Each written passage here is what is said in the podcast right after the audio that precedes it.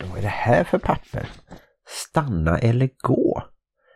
Tänk om Maria är på väg att lämna mig. Ja, men då tänker jag göra slut först. Ah, tråkigt. Ja, Tinder lär jag ju inte orka. Men det finns ju fördelar. Jag kan ju faktiskt spela innebandy och trummor hur mycket jag vill. Så behöver jag inte gå och lägga mig i tid och, och så är det ju ingen disk och så. Så att, ja, men det kan ju bli riktigt bra. Martin, Ja. har du sett mina anteckningar för dagens avsnitt i podden? Eh, jaha, var, var det det de var de här? Ja, vi skulle ju prata om att stanna eller gå. Eh, Just det. Mm. Eller vad trodde du? Mm, Nej, det, det visste jag hela tiden. Don't tell me that your life is dull and grey. My only answer is hey, hey, hey, hey. Let's go crazy in the wild, and if by chance we make a child, that just means that we're alive and healthy. Hej och välkomna till avsnitt 238 av Bonuspappan och Plusmamman, en podd om livet i en bonusfamilj med tyngdpunkt på föräldraskap och relationer. vi sänder i samarbete med Hallands Nyheter, dagstidningen i Varberg och Falkenberg med omnejd. En tidning som just nu inte kommer i brevlådan eftersom det är påsk, men ni kan alltid läsa den på webben www.hn.se. Jajamensan, det är bevakning dygnet runt numera och snart kommer även en lång artikel om Jola Bero, illusionisten som snart kommer till Varberg och ska showa och som jag fick prata med i hans hemliga lager med trolleritrick och utrustning och scenkläder och sådär i Småland på landsbygden där. Och sen trollade han även bort Martin och jag tror att det ska ligga ut en liten film i samband med den artikeln så håll utkik efter den. Mm, den finns nog ute nu när podden är ute. Mm. Och veckans tema i podden kommer ju vara precis som vi sa i introt, att stanna eller gå. För det är ju någonting som vi får väldigt mycket brev säger jag. Mail kallas det nu för tiden. Vi får väldigt mycket mail och meddelande om ska jag stanna eller gå? Så vi tyckte att vi kan ha ett litet avsnitt som handlar just om det. Mm. Vi har ju tidigare haft med Go On, en av skaparna av den sajten, goon.se, Sofia Jackson och hon pratade lite om det. De har ju som tema separera eller reparera. Att man antingen då kan stärka sin relation eller få hjälp att lämna den och då kan det ju vara ganska krångligt att bygga upp ett nytt liv. Bland annat eh, kan man behöva ekonomisk eller juridisk hjälp. Ja, och sajten bearbetar ju också hur det kan vara efter själva separationen. Så det är en väldigt bra sajt. Gå in på den, goon.se. De finns också på Instagram och Facebook. Mm, och det mesta är helt kostnadsfritt. Mm. Och till hjälp den här veckan i det här temat så har vi relationsboken som är skriven av Gunilla Bransell och Ove Valodius. Och boken är skriven 2009. Det kan ju låta som att det var nyligen, det är ganska länge sedan. Men det här med relationer är ju någonting som är ständigt aktuellt och egentligen är det ingenting nytt under solen. Så jag rekommenderar starkt den här boken för det finns väldigt mycket övningar, olika sätt att se på det, jobba med sig själv. Man kan faktiskt jobba med sin relation med sig själv. Om man nu råkar ha en kar som man måste släpa efter sig när det gäller självutveckling och skåda inåt och sådär. Mm, det enda som har hänt sedan dess kanske är att det finns mycket mer sociala medier nu och eh, teknik så att man till exempel kan få terapi via Zoom eller Teams eller liknande videochattar då. Mm. Och vi har ju också fått testa på en app som också är en relationsterapi-app. Ja just det, Birds Relations, det har vi gjort ett avsnitt om. Yes. Men innan vi går djupare in på om vi ska stanna eller gå så ska vi stanna upp en stund i veckan som har gått i vår bonusfamilj på Karlbergsvägen. Ja just det, det har ju varit påsklov för alla fyra barnen höll jag på att säga men Saga har ju redan tagit studenten så hon jobbar men de andra tre har varit hemma på påsklov. Antingen kan man ju se det så att man har ett ständigt påsklov, man bara bestämmer sig för att jag behöver jobba och tjäna pengar ibland.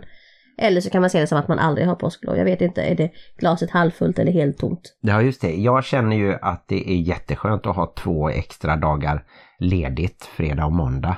Så jag njuter eftersom jag jobbar heltid i vanliga fall. Mm. Jag brukar ju försöka bena upp veckan men jag känner att tisdagen har helt fallit till glömska. Men onsdag vet jag vad som hände. Då jobbade jag första gången sedan jag opererade min fot och det är ju snart två månader sedan tror jag. Ja, och det gick väl bra förutom att du kanske fick lite ont i foten. Jo, jag är ju egentligen sjukskriven en månad till så jag ville bara testa ifall foten höll. Och den höll väl kanske inte riktigt i den utsträckning som den borde göra. Så jag får vila mig i form kanske en eller två veckor till sådär. Mm. Och sen på torsdag så fick jag ju ta igen mig genom att klå mina kompisar i poker. Mm. Jag har ju några vänner som kommer varje vecka och spelar poker. Och det tycker jag är en sån där grej som man, inte just poker då, men att ta sig egen tid med sina egna vänner, det är en viktig grej i allt familjeliv, men kanske just i bonusfamilj i livet, för annars så blir det väldigt mycket fokus på just bara familjen. Mm. Så hitta ett pokergäng. Nej, eller någonting annat, innebandy som Martin nämnde här innan också. Och sen på fredagen så åkte vi och firade mitt yngsta brorsbarn. Hugo fyllde 17 år. Det är min lillebrors eh, minsting då, fast han är längst i familjen. Ja, precis. Han hade skjutit i höjden och din bror var så väldigt dad-jokey och sa att det var väl bra att vi firade honom på långfredagen för han är ju så lång. Ja, just det. Då fick vi eh, vegansk eh, mat och efterrätt och eh, fick även istället för present lämna ett bidrag till Röda Korsets insamling för Ukraina. Tycker jag var fint av en ung person att skänka bort alla presenter. Ja, alla andra mådde jättedåligt eftersom de har skrivit långa önskelistor för vad de vill ha på sina födelsedagar. ja, men det är ju som sagt frivilligt. Visste du att långfredagen förr i tiden innebar att man inte fick göra någonting? Ja, men det har jag hört talas om att det spelades liksom sorgemusik på radion och att man eh, knappt fick vara ute och leka. Alltså kanske generationen innan oss då. Det här var ju inte att vara ute och leka inte så jättelänge sedan. Men lite längre tillbaka så fick man inte ens klippa med sax. Ja, det är väldigt konstigt. När vi åkte hem så såg vi faktiskt eh, en liten procession, kanske åtta personer som kom eh, gående nere från Mölndalskråka upp mot eh, Mölnlycke där vi var. Och han som gick först släpade på ett stort träkors. Så det måste ha varit någon religiös grej där att gå i Jesu fotspår. Jag tycker det är fett dedikerat att korsfästa någon varje långfredag. ja, vi hoppas att han inte hängde upp sig själv där. Senare på kvällen så har vi ju en ny tradition i vår bonusfamilj. Vår äldsta dotter har ju flyttat hemifrån men av någon outgrundlig anledning så kommer hon hem varje fredag och tittar på Masked Singer. Vilket kanske inte låter så konstigt för alla er andra men för oss så är det lite ovanligt eftersom vi sällan tittar på tv överhuvudtaget. Nej, så det har blivit en ny eh, tradition och eh, hon är väldigt stolt över att hon har avslöjat vem sjöjungfrun är. Många gissar ju att det är en tjej men hon är helt säker på att det är Yohio, sångaren som växte upp i Sundsvall men nu bor i Japan.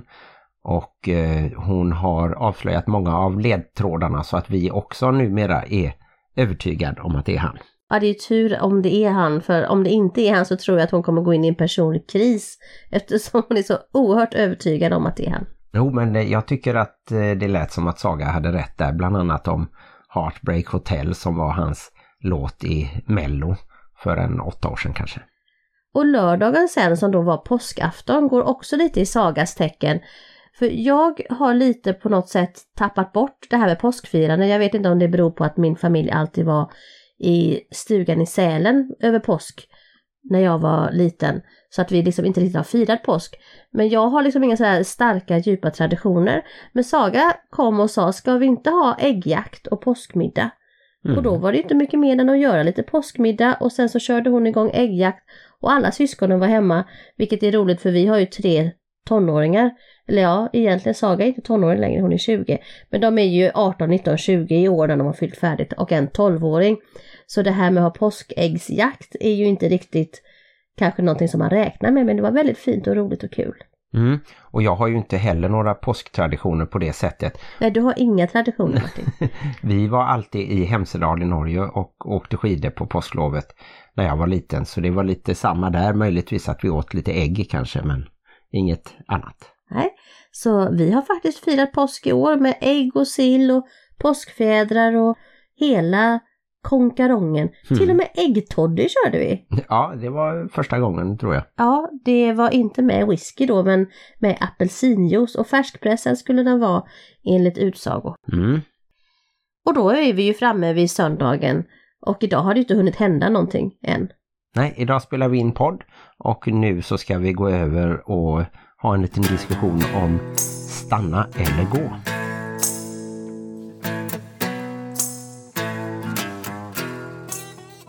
Ja, då var det dags för veckans tema Stanna eller gå.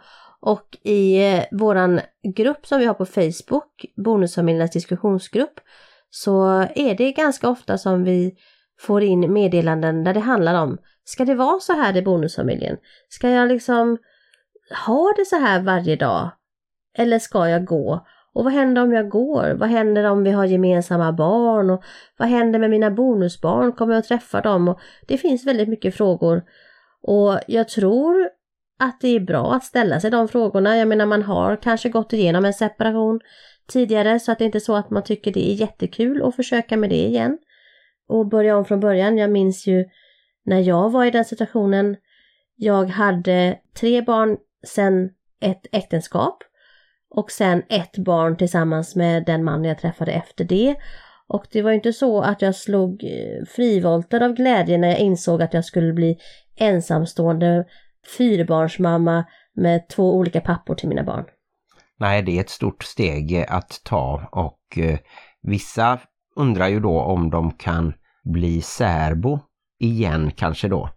Att ta ett steg tillbaka just för att det kanske inte fungerar med bonusbarn eller mellan barnen eller framförallt då mellan de vuxna när det finns bonusbarn och kanske något gemensamt. Och det är ju alltid svårt att ta ett sådant steg tillbaka också. Men ibland så kan ju det vara en räddning att man kan fortsätta att vara ett par ändå. Mm. Vi kommer idag att kanske hjälpa er att ställa några frågor till er själva. Så om ni lyssnar på detta och faktiskt funderar på ifall du ska stanna eller gå så kanske ni ska ta fram papper och penna och anteckna lite. Nej, varför tittar du på mig? Jag funderar inte på det. men, eh, Jag men tittar kan på ju... dig för att det är du som sitter här. Ja, just Ja, det. nej. nej, du behöver inte ta fram papper och penna. Du ska bara öppna dina öron och lyssna och svara lite. Ja, Ja, vi utgår ifrån det här kapitlet som heter just Stanna eller gå i boken Relationsboken som vi sa innan. Och eh, där rekommenderar de att man först skriver sin relationshistoria. Och då tänkte jag att du skulle få gå tillbaka i tiden den kalla vintern 2015 när du satt ensam och deprimerad och svepte på Tinder. ja, just det. Det var ju faktiskt så att vi träffades via Tinder och vi har väl berättat det, även om det var länge sedan, att eh, jag fick hjälp. Jag hade ju blivit singel under sommaren där och sen så hade jag varit två veckor i Berlin på språkkurs och uppdaterat min tyska tillsammans med 19 andra journalister. Väldigt eh, trevligt och lyxigt och roligt och så. Och så fick jag då hjälp av en yngre kollega som kanske var 25 och jag var ju 46. Så jag testade väl där lite på Tinder och fick syn på Maria och hon var bara ute på Tinder i några timmar kanske. Och, 20 timmar för Ja. att vara exakt. och svepte jag på alla de som hon såg just då. Och jag lyckades väl skriva ett meddelande där jag visade att jag kunde stava och att jag inte var helt eh, psykopatisk kanske. Ja, och anledningen till att jag svepte ja på alla det var ju för att jag tyckte så synd om de som då eventuellt skulle svepa nej på. Så jag klarar inte av att svepa åt det andra hållet. Nej, Nej, men om eh, du skulle vilja pausa i din eh, reminiscens där lite och så ska jag ställa lite frågor till dig som du kan då svara kort ja jag ska och försöka. koncist på. Då har du precis avverkat den första där, hur träffades ni? Och jag hade ju inte det lika lyxigt och skönt och härligt som du beskrev det utan jag satt ju faktiskt i skyddat boende. Det kanske låter helt otroligt att man lyckas träffa någon när man sitter i skyddat boende. Mm. Men så var det. Och jag vet inte, jag sa väl inte det direkt från början. Jag sa bara att jag är inte hemma just nu och du trodde att jag kanske renoverade min lägenhet eller någonting. Ja, lite sådär. Skyddat boende är ju om man har blivit utsatt för våld eller hot i sin relation. Och då kan man få hjälp av eh, kvinnojouren till exempel eller kommunen som du fick hjälp av att bo någon annanstans där ex-partnern i det här fallet inte kan hitta dig. Mm, så var det. Och eh, för att komma tillbaka till den här eh, övningen vi gör nu, att skriva vår relationshistoria. Kom du ihåg det att de som vi intervjuade för Birds Relations också rekommenderade att man skrev sin relationshistoria och kom du ihåg varför man skulle göra det? Ja men det ingår ju i deras app och det ingår lite i terapin att komma tillbaka och se alla de positiva känslorna som det innebär där när man då träffas. Vi hade ju en vecka där vi skickade meddelande till varandra och sen träffades vi för första gången på en lunch och sen efter det så började vi liksom dejta IRL också. Och allt det där positiva om man tänker tillbaka på det så kanske man förstår varandra bättre. Mm. Och första punkten här är beskriv dina tankar och känslor vid era första möten. Kan du känna någon känsla som du hade vid våra första möten? Ja men det var ju jättenervöst. Samtidigt så tänkte jag att jag kan ju inte förlora någonting. Jag har ju inget nu och om jag går ifrån eh, de här dejterna utan att ha någonting så är jag ju fortfarande på noll så att säga. Så jag tror jag försökte tänka så att allt är en bonus på ett sätt. Som vi sa, vill du ha en bonus, träffa en mamma. Ja, och jag sa ju tidigt att jag har fyra barn med två olika män. Och det har vi ju skämtsamt sagt många gånger. Och det var faktiskt så att jag försökte skrämma bort det, för jag var ju inte alls redo för att träffa någon egentligen. Nej, och jag tänkte att eh, varför ska jag inte träffa dig bara för att du har barn? Det hade ju varit dumt att på förhand tacka nej till det och säga att ja, men det är omöjligt bara för att någon har barn och eh, i det här fallet med två pappor då. Mm. Och så här kan man ju då antingen som par tillsammans sitta och se tillbaka på hur det var, hur var de första åren, vad gjorde vi, vad pratade vi om, vad hade vi för drömmar och förhoppningar. Och sen även lite hur vi har förändrats och utvecklats. Kanske har vi haft problem, vilka problem har uppstått, vad har vi gjort för att lösa dem och så vidare. Och man kan också göra det själv, jag vet inte om jag nämnde det. Det är ju effektivast att göra det tillsammans men man kan också sitta och skriva det här själv, gärna på ett papper. För att får man ner det på papper eller då kanske på dator som många gör nu för tiden Mm. så är det någon annan del i hjärnan som aktiveras. Och eh, sen är det bra också om man kan skriva ner vad man har uppskattat med sin partner under de här åren. Och vad jag uppskattar idag. Och sen också lite kan man också försöka nudda, vad är det som gör att vi kör fast och vad är det som jag kanske har reagerat negativt på med min partner under de här åren och vad upplever jag som negativt idag. Och om man då skaffar sig den här boken så finns det fler stödfrågor som man kan göra för att göra sin relationshistorik. Och när man har gjort det så är det också viktigt att man försöker komma ihåg positiva upplevelser som man har haft tillsammans och vad man har tyckt var bra med relationen och vad som man själv har tillfört relationen och vad kanske ens partner har tillfört till relationen. Bara korta meningar om era år tillsammans, om ert föräldraskap och så vidare. Mm. Sen kan man gå tillbaka till den här ska jag stanna eller gå-delen. Och det är nu ni där ute ska kanske ta fram papper eller penna och anteckna de här frågorna. Och om inte annat så kan ni ju lyssna på podden om och om igen för det är jättebra för Mm. oss. Jag tycker att ni kan ta fram både penna och papper, inte penna eller papper. Det blir ju svårt då, antingen får man skriva på handen eller så får man bara sitta med pappret. Och lever ni tillsammans med en människa som märker mycket ord så förstår jag hur ni känner det och ni kan skriva till mig och få stöd och inspiration för ifall ni vill stanna eller gå i den relationen. Mm, gör det. Ja, då har ni alltså skrivit ner era relationshistoria och då kommer jag nu att ställa några frågor som ni ska ställa er själva och så svara kort. Om ni lever med en människa som har helt tappat förmågan att svara kort så eh, tappa inte modet utan det är bara att fortsätta försöka. Ja, jag vet i alla fall att hittills i det här avsnittet så är det inte jag som har pratat mest. Nej, men det är ju för att jag har tvingat dig att klippa bort massor av dig. Ja. Här kommer fråga 1. Kan jag slappna av och vara mig själv i vår relation? Och det kanske låter som en självklar fråga, men vi får ju faktiskt också meddelanden där folk känner att jag kan inte vara mig själv i min relation. Till exempel kanske varannan vecka när barnen kommer. Ja men så kan det väl vara i början framförallt och så kanske det var lite för mig också men nu känner jag väl mig helt avslappnad och eh, det är väl Alldeles mer att, avslappnad. att du inte tycker det eller att eh, möjligen att jag går över gränsen ibland med något skämt eller sådär. Men jag går ju inte omkring eh, i bara kalsongerna till exempel som jag kanske hade gjort hemma om jag var själv och så. Obehagligt. Ja, Det är tur att du inte är dig själv helt ut. nej men jag Vi uppmanar er, var inte er själv. Mm, Jo då, jag tycker absolut att jag kan vara mig själv. Ja, men det är alltså en viktig del. Kan jag slappna av och vara mig själv i vår relation? Sen kommer frågan, tycker jag om att vara tillsammans med min partner när vi är lediga och inte gör något speciellt? Och då tänker jag att man kan passa på och känna, hur är det när man är som par, alltså utan vänner och utan familj och utan barn, när man bara är paret. Gillar man det? Känns det härligt? Ja, absolut. Och jag tror att under förra året så kom vi ju på att vi hade en dag när vi var helt själva eftersom vi då hade tre heltidsbarn och ett barn som kör lite varannan dag eller var tredje dag eller sådär hos oss.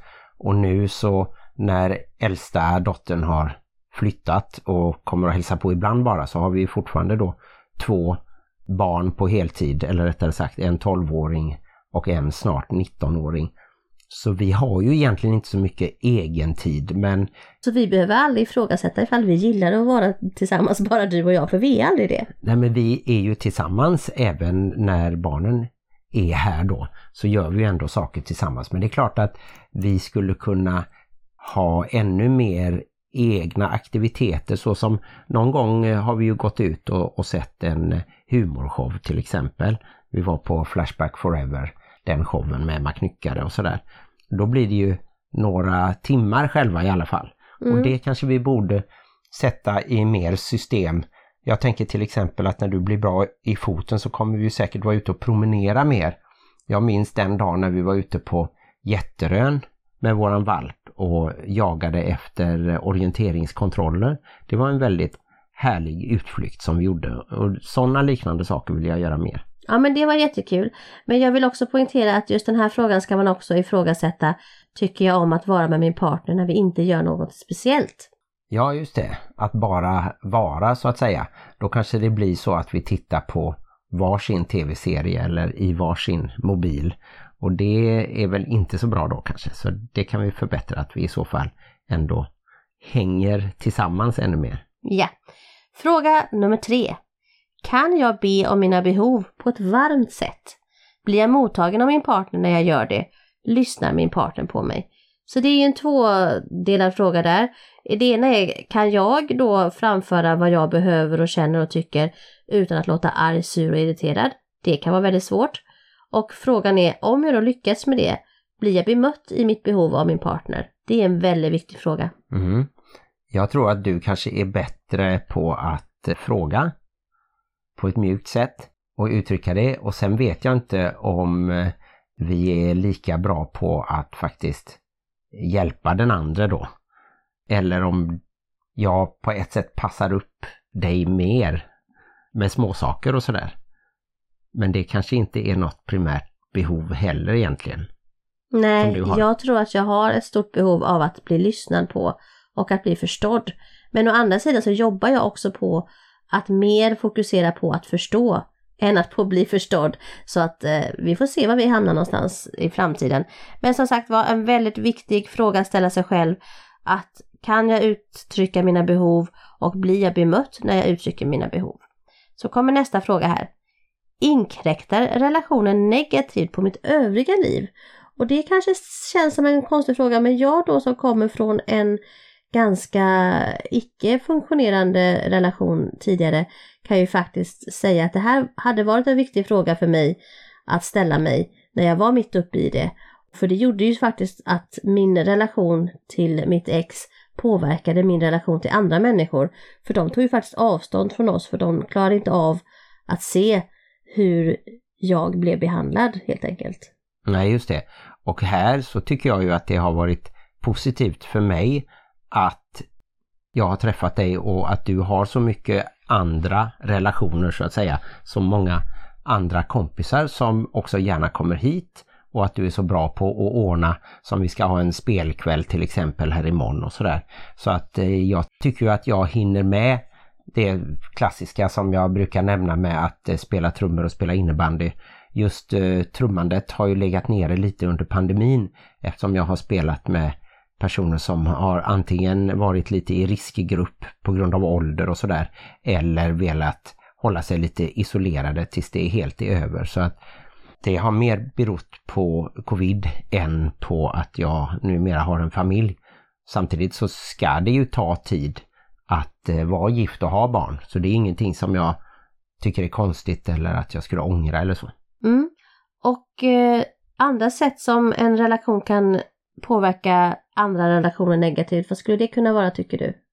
Ja men det är väl om man då har en helt annan eh, familjekultur så att säga. Att eh, jag inte skulle vara så social som jag är. Att jag inte skulle kunna släppa in dina kompisar och se dem som även mina vänner då. Eller att jag prioriterade väldigt mycket egna saker. Eller om jag var tvungen att göra det på grund av jobbet. Om jag hela tiden skulle ha jobbat på kvällar, då hade ju jag inte kunnat träffa dina kompisar om de jobbade dagtid till exempel. Ja, det är en bra fråga att ställa sig och jag tänker också, speciellt som bonusförälder så kanske du känner att du lägger väldigt mycket tid på dina bonusbarn och familjen och att ditt eget liv, ditt sociala liv utanför bonusfamiljen blir lite lidande. Så det kan vara bra att slänga ner en anteckning om det, hur det ser ut. Sen går vi vidare här och då är en fråga som man faktiskt måste ställa sig och det är önskar jag ofta att jag levde ensam?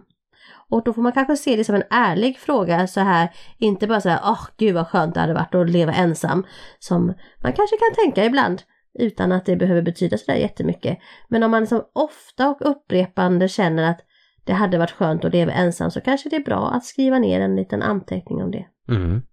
Jag är ju inte alls där. Jag tycker ju verkligen eh, inte att jag skulle vilja leva ensam. Så det, för mig är det ganska enkelt svar. Vi går vidare här och då ska man titta över lite sina konflikter. Och det är hur ofta svåra konflikter eller stort avstånd mellan varandra, hur ofta det uppstår. Och det kan faktiskt vara så att du kan behöva skriva ner en liten anteckning om det också, om man har en kalender eller så. Hur ofta uppstår det stora konflikter? Hur hanterar vi dem? Löser vi konflikterna eller bara dammar vi dem under mattan och sen så kommer de upp igen? Mm. Är det så att på en månad så bråkar vi 28 dagar, då kanske det inte är riktigt bra i den relationen just då. Nej, precis. Och det kan ju faktiskt vara så att små konflikter som kommer nästan varje dag kan ju vara jobbigare än om det är en stor konflikt som återkommer en gång i månaden eller en gång i veckan. Så Det kan vara det där ständiga vardagsgnabbet som är värre för relationen kan jag tänka mig. Och irriterar ni er på er man dagligen så kan det ju bara vara att han drar väldigt många dåliga skämt. ja, just det. Det finns nog värre saker också. Så var ärlig med hur ofta ni kommer i svåra konflikter, står det här. Inte kanske bara de här vardagliga, men som sagt var, som Martin säger så kan ju det vardagliga vara det som också urholkar stenen, så man kan hålla lite koll på det också. Nästa fråga tycker jag är lite lik frågan som kom innan och det är Känns det ofta som om jag vill komma bort från relationen? Så att det är väl samma sak där. Känner du ofta att du vill leva ensam? Känner du ofta att du vill komma bort från relationen? Och då kan det ju vara bra, som jag sa innan, att sätta någon slags markering. För ibland när man är trött och less så kan det kännas som att det alltid är så. Det kanske inte alltid är så. Det kanske bara är att det upprepas. Men det är ändå får liksom få lite så koll på hur ofta det är man känner så. Ja, de kan ju mena att man vill komma bort tillfälligt från relationen. Inte just det här att man längtar efter att leva ensam. Det kan ju vara lite olika saker faktiskt. Ja, just det. Om du ofta flyr till någonting annat. Sen är en fråga, är jag mån om min partner och önskar honom eller henne allt gott? Mm. Det är en viktig fråga att ställa sig. Ibland vill man liksom bara skjuta sin partner och det är inte härligt. Men om man liksom önskar att, ja, oavsett ifall vi fortsätter tillsammans eller inte så, så önskar jag min partner allt gott här i livet. Mm. Sen är det nog en fråga som är väldigt aktuell i just bonusfamiljer och det är den här Tror jag att det blir förändringar i våra släkt och vänskapsrelationer om vi separerar? Jag vet inte hur det kan påverka ifall man stannar eller går. Men lite det här med vad händer med barnen tänker jag. Mm. Och det tror jag kanske är ännu viktigare om man lever i en kärnfamilj. För då blir det ju ändå så att man måste fortsätta ha kontakt och till exempel då hur funkar du ihop med dina svärföräldrar som då är farmor och farfar till dina barn och måste ju få träffa dem kanske inte bara på om det då skulle vara ditt ex veckor och sådär. Så då kan jag tänka mig att i en bonusfamilj så finns det den möjligheten att man separerar och inte har lika mycket kontakt och det kan ju vara då väldigt negativt för barnen om de har vuxit upp med en bonusförälder som de har träffat varannan vecka eller ännu mer och så försvinner den vuxna föräldern och den relationen liksom tas bort från dem. Så det tycker jag absolut att det är jätteviktigt att tänka igenom även med vänskapsrelationer att man kanske inte ska tvinga sina kompisar att välja. Jag tror ofta att det blir så att den som liksom var kompis först, att det är de som då behåller en relation. Men det kan ju vara så att man har träffat andra par och då kan det bli jobbigt. Så det är en bra fråga. Mm. Sen en sak som kan påverka relationen som man kanske måste ta med och fundera över, kan det bero på det? Det är, har jag, min partner och eller barnen varit mer sjuka de senaste åren? Det blir ju väldigt påfrestande om man kanske har små barn som ofta är sjuka eller om man själv kanske lider av någon kronisk sjukdom och då kanske det inte är relationen i sig som är den stora boven i dramat utan just att orken finns kanske inte kvar för att bygga och jobba på sin relation om det till exempel finns mycket sjukdom i familjen. Nej precis, nu eh, under eh, coronapandemin så har ju många jobbat mer hemifrån och alltså träffat kanske både barnen och sin partner mycket mer på dagtid och det kanske har ökat spänningarna. Och jag kan även tänka på hur det blir då när till exempel som våra föräldrar, när de blir sjuka antingen fysiskt eller psykiskt eller både och och vi behöver ta hand om dem mer. Det påverkar ju din och min relation och barnens och allting. Så sjukdom kan vara någonting som påverkar och då får man väl försöka tänka att det kan också vara så att sjukdomen går över och blir man mer frisk så är det ju också lättare att hålla ihop sin relation. Och ha mer ork framförallt. Mm. Att prata om saker och ting. Sen kommer nästa fråga här. Har jag pratat med min partner om det jag upplever är svårt i vår relation? Och om jag har gjort det, har jag då blivit bemött? Och det är ju tillbaka till den frågan som vi började med där, om man kan uttrycka sina behov och om man känner sig bli bemött. Det här är ju mer, kan jag prata om det som faktiskt är lite svårt utan att kanske den andra går i försvar eller bara borstar bort det, att nej men så är det inte. Att man faktiskt vågar se på det som inte är det glättiga och glada. Mm. Och den stereotypa bilden som man kanske tänker på då är att det oftare är kvinnor som faktiskt vågar öppna sig och berätta om sina behov och sina tankar och om det som de känner att de saknar. Och sen kanske männen då, vi lyssnar för dåligt och vi kanske inte vågar säga någonting själva förrän det är för sent eller att man har hamnat i ett läge där man inte kan reparera utan måste separera. Mm. Och så kan man också fråga vilka tankar och känslor kommer fram när jag tänker på vår relation då? Vad tror jag om våra möjligheter att förbättra och utveckla? Känner jag att det finns saker vi kan göra, då finns det ju hopp. Mm. Och känner man att nej, vi har ju försökt allt och det är kört. Mm. Bara få ner det på papper. Man kan tänka att, ja men kan jag tänka de här frågorna i huvudet? Ja, det kan man. Men det är alltid mycket effektivare att faktiskt skriva ner det och reflektera. Och man behöver inte ta alla de här frågorna på en dag. Du kan ta en fråga en dag. Du kan ta en fråga i veckan. Och nu räcker Martin upp handen, så nu får han ordet. Nej men jag tänkte just det som jag brukar säga att så länge som man går plus så är det ju värt att stanna i relationen. Och man behöver inte göra en lista på plus och minus utan jag tror att man kan känna det.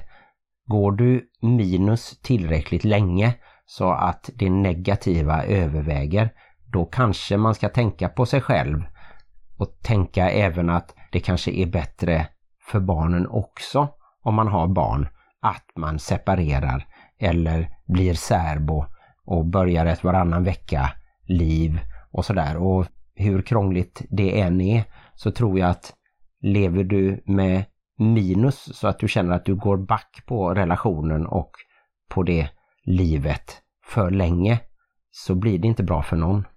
Vi måste ändå slå ett slag för att skriva det. Att skriva listor gör det väldigt konkret. Ja absolut, jag tänkte inte bara att man måste rada upp plus och minus.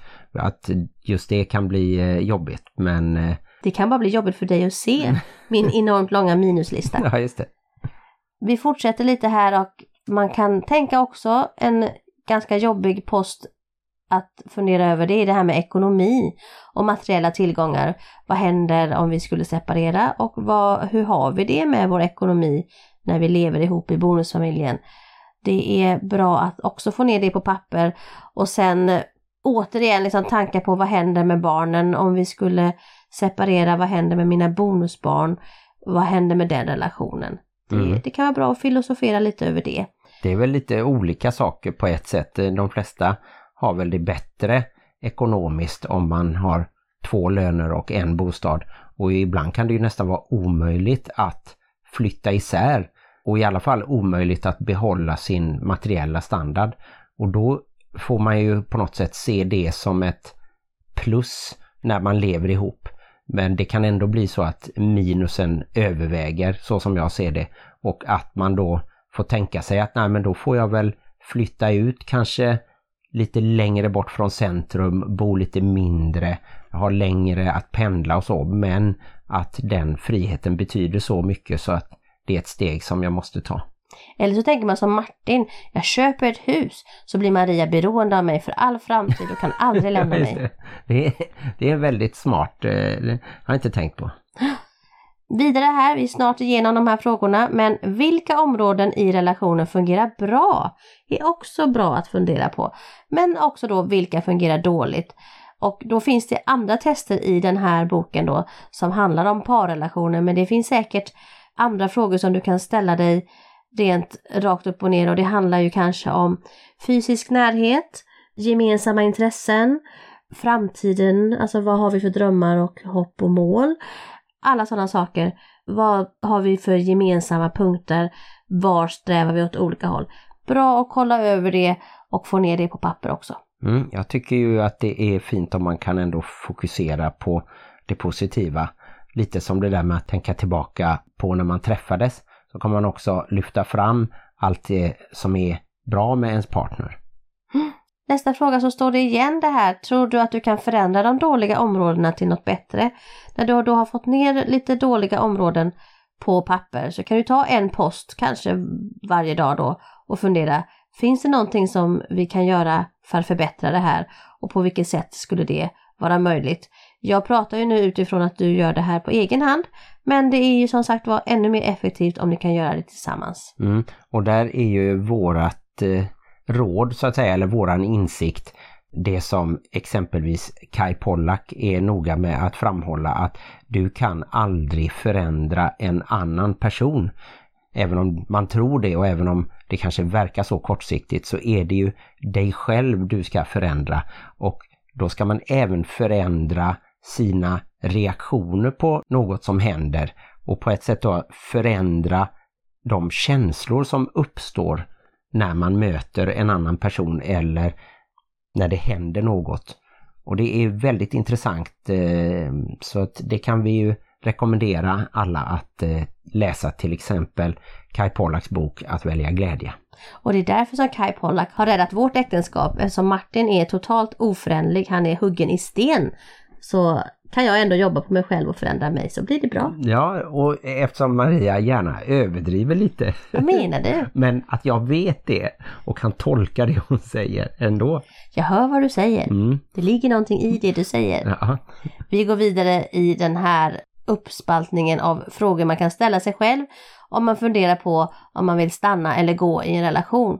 Och då är det bra att sätta upp en liten graderingslista från 1 till 5. Hur stort obehag känner jag när jag tänker på vår relation? 1 till 5.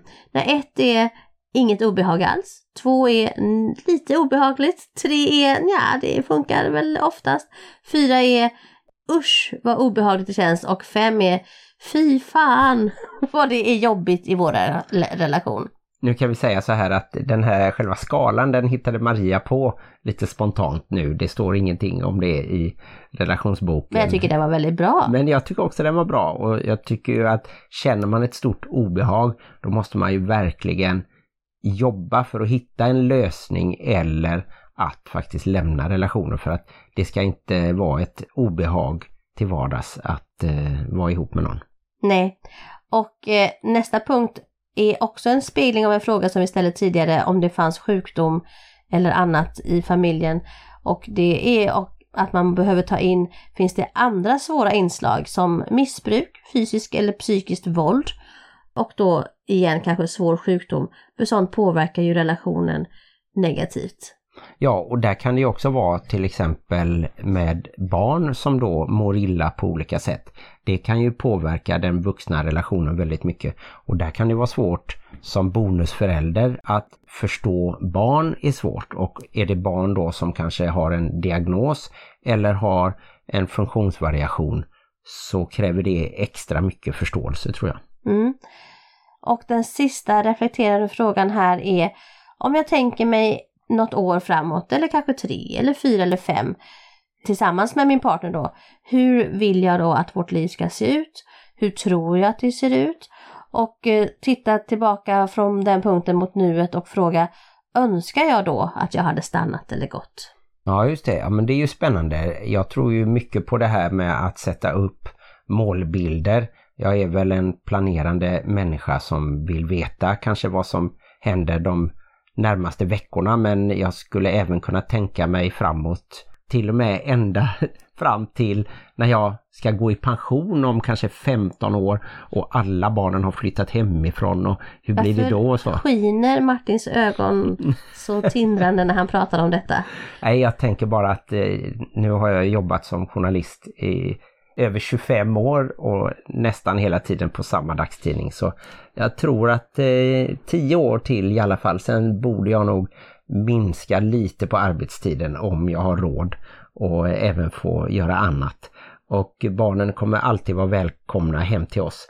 Även den gången vi kanske inte har ett hus utan att vi kanske har en husbil istället. Får de gärna komma och åka med en sväng neråt till Europa kanske. Man märker ju att Martin inte är riktigt i gå-fasen i alla fall. Det känns som att du ändå planerar in mig där långt fram i framtiden. Ja, absolut. Och då kanske till och med att du har körkort så att vi kan turas om och köra husbilen.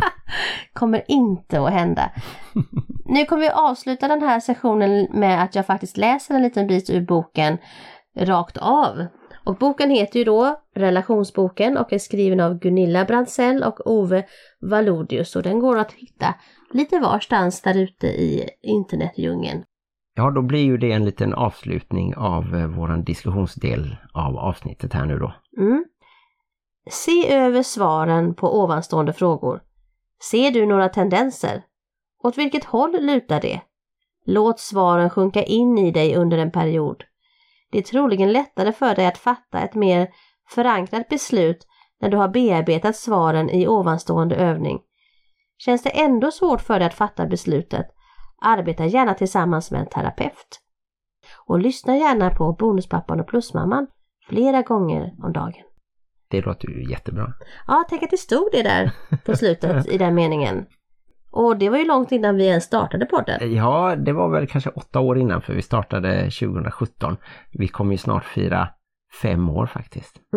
Jag tänkte innan vi avslutar det här så ska jag ge dig en sån här oförberedd fråga som du älskar att jag gör. Och det är, har du kanske en eller två eller kanske tre frågeställningar som du skulle vilja slänga in att man ska ta lite ställning till eller fundera över om man sitter i den här situationen och man tänker på ska jag stanna eller gå?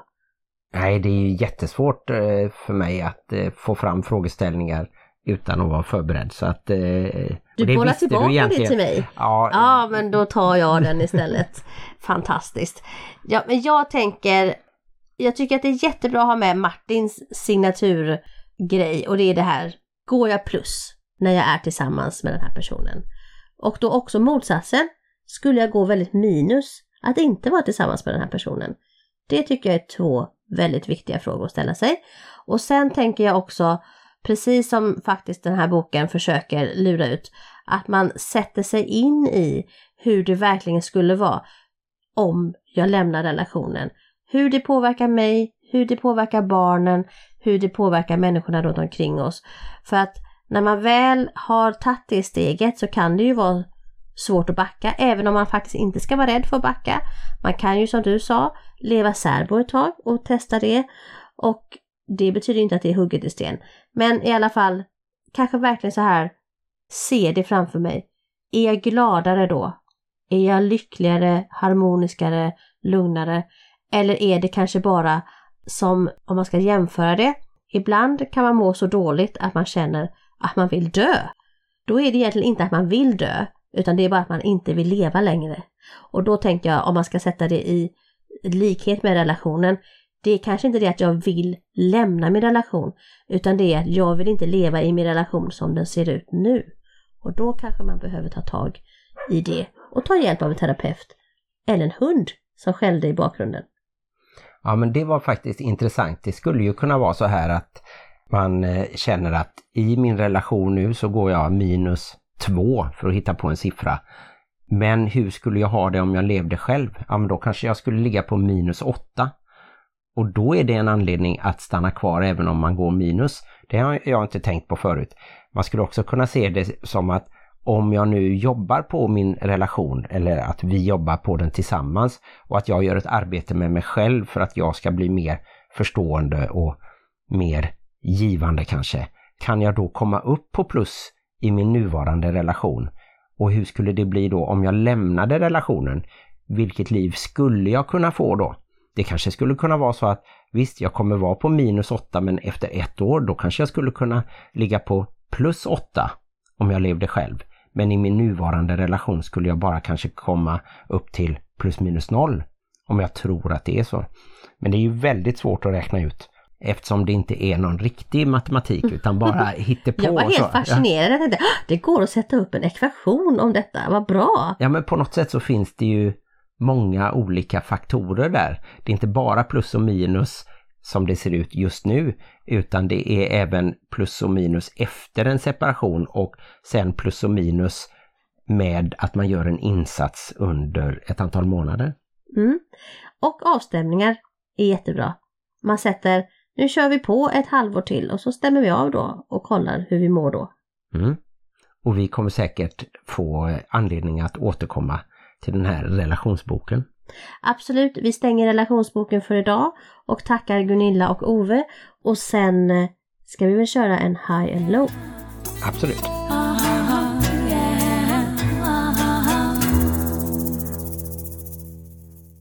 Yes, och den här veckan har jag faktiskt skrivit ner min high and low på grund av att jag alltid drabbas av tillfällig minnesförlust när vi ska göra high and low i podden. Ja, jag ska tänka ut någonting. Ja, och för er som inte har hört detta förr så avhandlar vi ju varje vecka höjdpunkten och lågpunkten i vår bonusfamilj och bonusfamiljskonstellation. Och jag börjar med att säga att min high den här veckan i vår bonusfamilj var påskfirandet som faktiskt blev av och att det var tack vare Saga och mig. Ja, det var jättebra och jag tycker också att det var en höjdpunkt. Jag gillade ju även när vi var utomhus och fick lite sol och Parker fick springa runt i trädgården och vi spelade lite kubb och ja, det var skönt eftersom jag åt alldeles för mycket av er goda mat så kunde jag sitta och vila lite i en stol där. Men överhuvudtaget så tycker jag nog att de bästa stunderna är när barnen eh, äter allihopa hemma hos oss och kommer igång med sina olika upptåg och jag bara kan sitta tyst och, och lyssna. Det mm, känns skönt så det hoppas jag att vi kommer fortsätta med. Jag tycker det är kul när barnen tar initiativ och det tror jag att de gör i tomrummet på något sätt. Ibland kan det vara så att vi vuxna bara mm, köttar på och då får de ju liksom aldrig chansen att ta det där steget in. Så att ibland kan man behöva vänta ut dem. Men tycker du att jag ska ta mindre initiativ till familjeaktiviteter Nej, då alltså? inte du. Där kommer till veckans low som jag också har skrivit ner då. Och då ska jag läsa till här. Och då vänder jag mig till dig. Du är veckans low Martin. Det väljer jag alltid. Nej, kanske bara 95 procent av veckorna. Att jag ibland måste släpa dig efter mig när det gäller att umgås hela familjen. Att du inte alltid tycks inse hur värdefulla och sällsynta de ögonblicken är. Kanske är det svårt för en bonusförälder att se värdet av att fira till exempel helger ihop, speciellt när barnen börjar bli äldre. Det var min low. Ja men jag kan hålla med om det. Jag vill bara förklara min low och det var ju att du faktiskt gick in i paltkoma där. Du hade ätit typ en halv smörgåstårta själv. Nej inte riktigt, nu överdrev jag igen. Men en kvarts smörgåstårta själv ja. du nog faktiskt. Och med tanke på hur stor den smörgåstårtan var så är en kvart ganska mycket. Med tanke på hur liten jag är. ja, det också. Jag var faktiskt både imponerad och lite skrämd över kvantiteten av smörgåstårta som du lyckades trycka in i dig själv. Men i alla fall, och då blev det så att sen då när alla små barnen som vilda jätter sprang ut i trädgården och började leta ägg och, och sen så sa Saga kan vi inte spela något spel och då blev du sura gubben och bara liksom gick in i någon slags eh, du gick in, bokstavligen in i huset och jag fick gå in och hämta dig och säga kan vi inte, kan du inte vara med nu? Och då satte du dig i en solstol och såg lite mulen ut och tyckte att det var jobbigt att Parker sprang efter pinnarna och sådär. Så det var därför jag skrev ner den här veckans low, att jag kände att du tog liksom inte riktigt tillfället där. Nu är alla barnen här och nu vill de göra någonting och då passade du på att bli lilla sura gubben.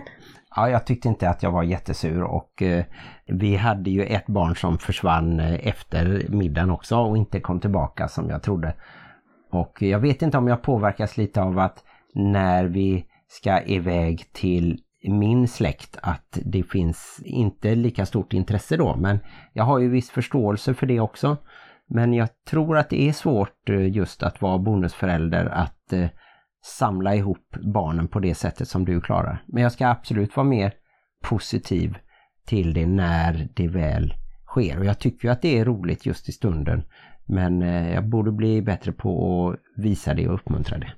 Jag tänker mest att man ska ta ögonblicket. Precis som att jag kanske också var trött och gick in i paltkoma. Men jag tänkte att nu är alla barnen här. Nu får man liksom ta, seize the moment liksom. Och då ska jag ta min low och den är egentligen inte bonusrelaterad men jag måste säga den ändå. Och det är att vi har en kompis som mår lite dåligt som vi försöker stötta och hjälpa. Men det är ett sånt läge där det är, inte är helt enkelt att veta hur man ska göra och vad man ska göra och eh, vi försöker i alla fall kommunicera kring det och hoppas att eh, den kompisen ska må bättre här framöver extended bonusfamilj kan man säga. Ja lite så, det påverkar ju oss och det, det finns eh, så att det dyker upp eh, av och till och sådär. Men eh, vi håller tummarna för att det ska bli bättre. Mm. Jag kom på en low till. Shit vad deprimerad jag har varit den här veckan. Nej, jag har en sån här liten mini-low. Och det är att jag ständigt försöker bjuda in mina äldsta barns pappa på middag. För jag vet hur kul det hade varit för barnen att han kom hit och käkade. Så nu bjöd jag ju honom till påsken också. Och han säger ständigt nej. Så det är lite low att han ändå inte liksom bara kan ta steget in och, och känna. Och jag kan ju förstå honom att det kan inte vara jättekul att sitta med sin exfru. Men jag tänker att han kanske ibland kan tänka att barnen hade tyckt det var kul. Ja, jag har inget emot det heller och det tror jag att eh, du vet och att barnen vet och sådär.